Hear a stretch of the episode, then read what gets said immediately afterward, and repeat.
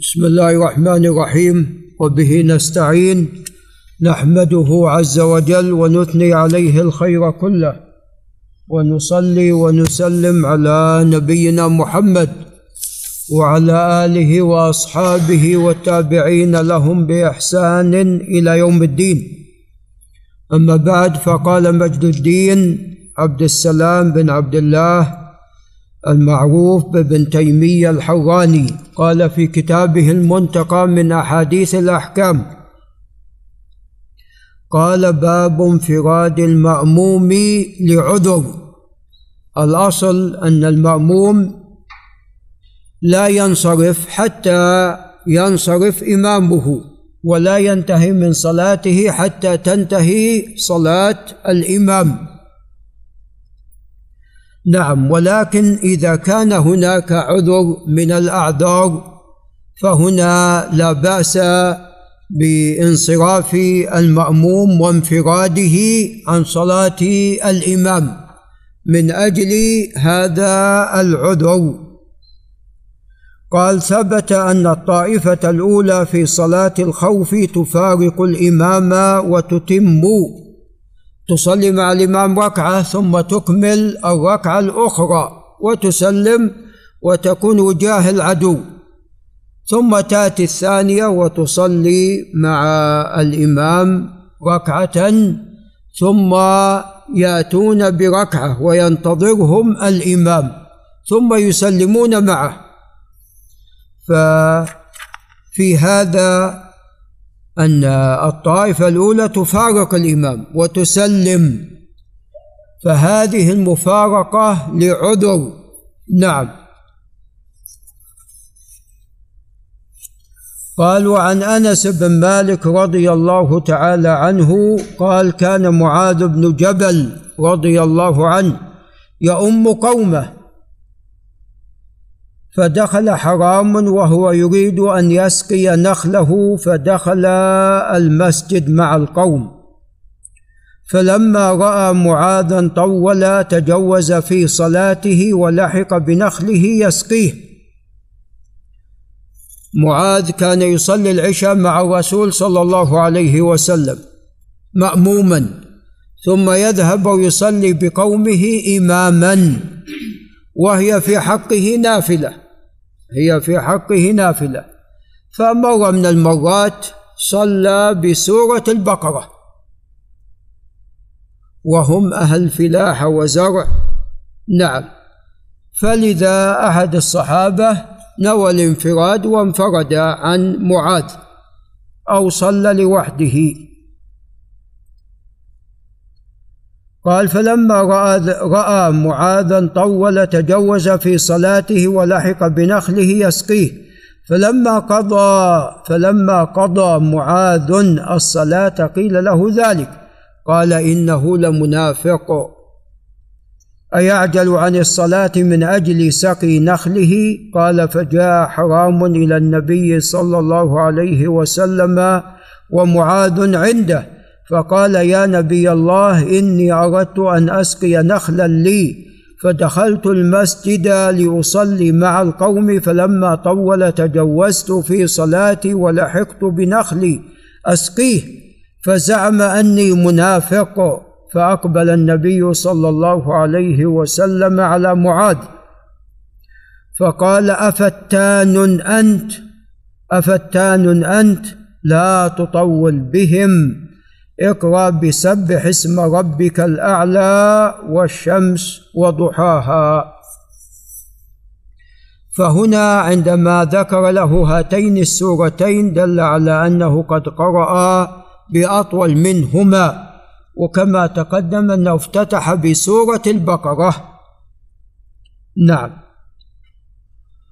ومثل ما جاء في قصة معاذ أيضا يعني شخصا تذكر مثلا شيئا في البيت عنده مريض في البيت نعم.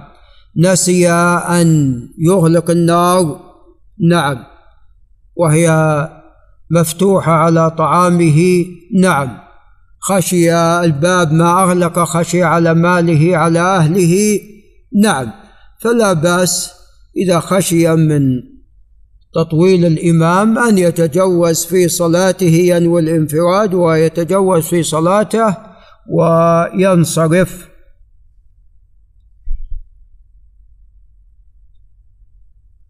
قال وعن بريدة الأسلمي رضي الله عنه وهو آخر الصحابة وفاة أو من آخرهم وفاة في خراسان توفي سنة ثلاث وستين. أن معاذ بن جبل صلى بأصحابه. طبعا آخر الصحابة وفاة على الإطلاق أبو الطفيل عامر بن واثلة الليثي توفي عام عشرة ومئة. أن معاذ بن جبل صلى بأصحابه العشاء فقرأ فيها اقتربت الساعة. الصواب أنه قرأ بالبقرة كما في الصحيح. فقام رجل من قبل أن يفرغ فصلى وذهب. فقال له معاذ قولا شديدا. فأتى النبي صلى الله عليه وسلم واعتذر إليه وقال إني كنت أعمل في نخل وخفت على الماء. فقال رسول الله صلى الله عليه وسلم يعني لمعاذ صل بالشمس وضحاها ونحوها من السور رواهما أحمد بإسناد صحيح.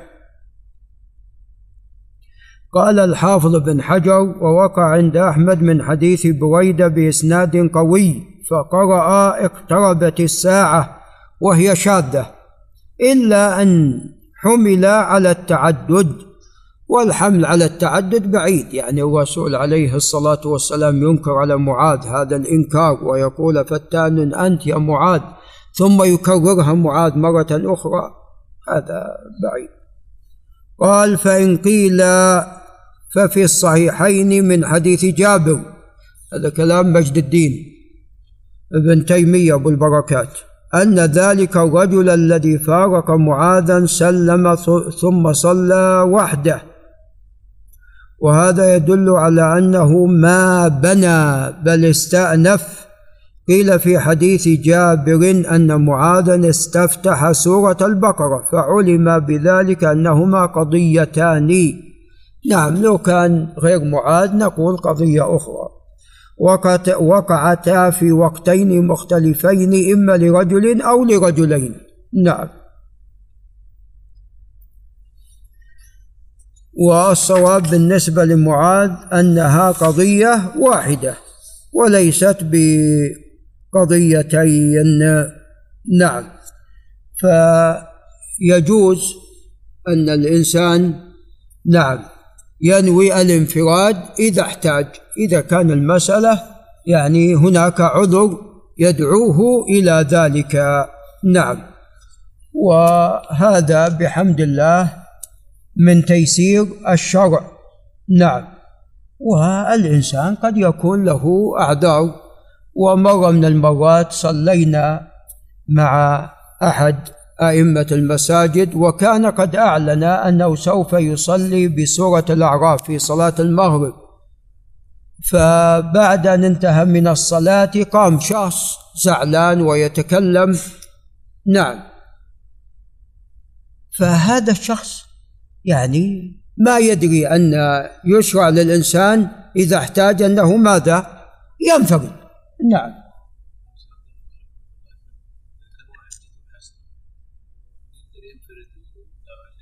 إي نعم نعم إذا خشي نعم. ف إي نعم. ف يكملها نعم يكملها خفيفة لوحده بعد أن نوى الانفراد ثم نعم. لا لا بارك الله في خلاص يعني هذا بقلبه ينوي الانفراد ويكمل صلاته لوحده ما يتكلم بشيء. هذا هو نعم يكمل صلاته خفيفة. والله انت خلك بنفس الصف لأن يعني إذا انتهيت انت راح تغادر اللي خلفك يتقدم.